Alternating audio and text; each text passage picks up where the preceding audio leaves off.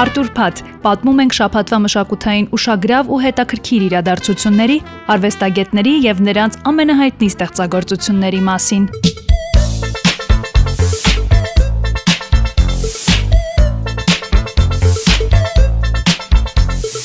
Նա համարվում է բոլոր ժամանակների ամենահայտնի կին արտիստը։ Նրա ստեղծագործությունները ամիսներ եւ նույնիսկ տարիներ շարունակ գլխավորել են համաշխարհային երաժշտական հիթ շքերթների աղյուսակները։ Նա շատերի համար պարզապես եղել է ոգեշնչման աղբյուր։ Բեմում նա է՝ փոփի թագուհի Մադոննան։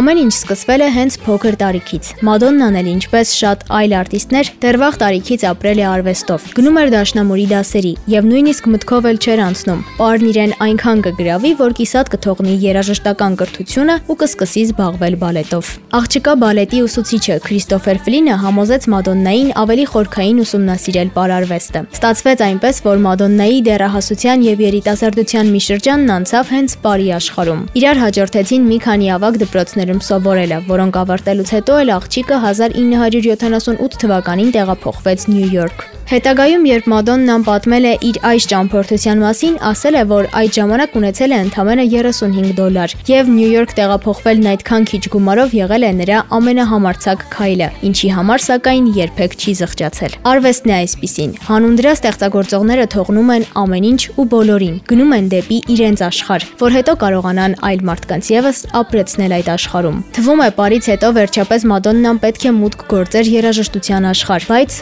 ոչ։ Հաջորդ կան կանգառը կինոն էր։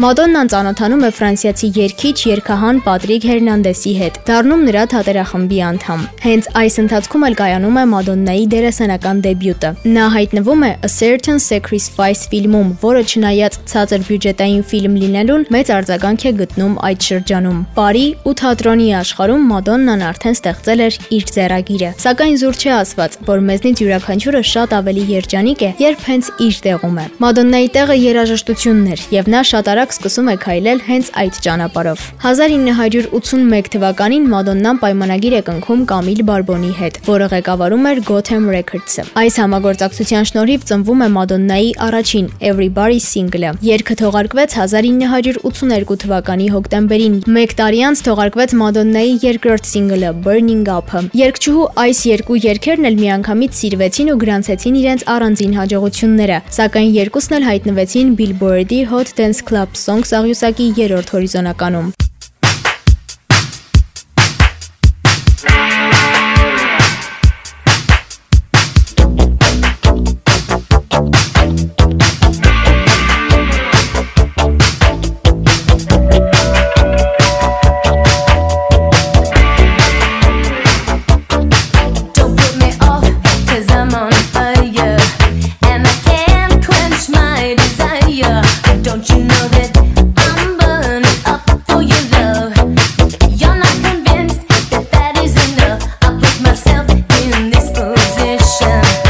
Սա ստեղծագործական մեծ ճանապարհի սկիզբն էր։ Հետագայում նրա երգերն այնքան են սիրվում, որ թողարկումից հետո միանգամից հայտնվում են աղյուսակի հիթ շքերթների առաջին հորիզոնականներում եւ երգչուհուն դարձնում ռեկորդագիր։ Իդեպ նա մինչ օրս միակն է, որի ստեղծագործություններն ավելի քան 45 տարի գլխավորել են Billboard-ի չարթերը ամիսներ շարունակ։ Սինգլների գրանցած հաջողություններին հաջորդում է երգչուհու առաջին Madonna ալբոմը։ Ի սկզբանե այս ալբոմը ստեղծվել է Madonna-ի եւ պրոդյուսեր Ռեջի Լուկասի համագործակցության արդյունքում, Սակայն երբ հասել են ավարտի փուլին, երգչուհուն որոշ դետալներ սկսել են դուր չգալ, եւ նա որոշել է խնդրել Funhouse խմբի DJ John Jellybean օգնել իրեն վերջնական տեսքի բերել ալբոմը։ Jellybean-ի օգնությամբ ստեղծվում է նաեւ ալբոմի ամենահայտնի Holiday երգը, որը համարվում է Madonna-ի լավագույն միջազգային սինգլը։ 1984 թվականին Madonna-ի ելույթը American Bandstand-ում եւ Top of the Pops-ում բեկումնային էր թե արտիստի, թե հասարակության համար։ Հենց այդ ելույթներից հետո նրա կերպարը, կատարումներն ու տեսահոլովակները սկսում են մեծ տարածում գտնել։ Մադոննան ճանաչելի է դառնում ոչ միայն իբրև երգչուհի,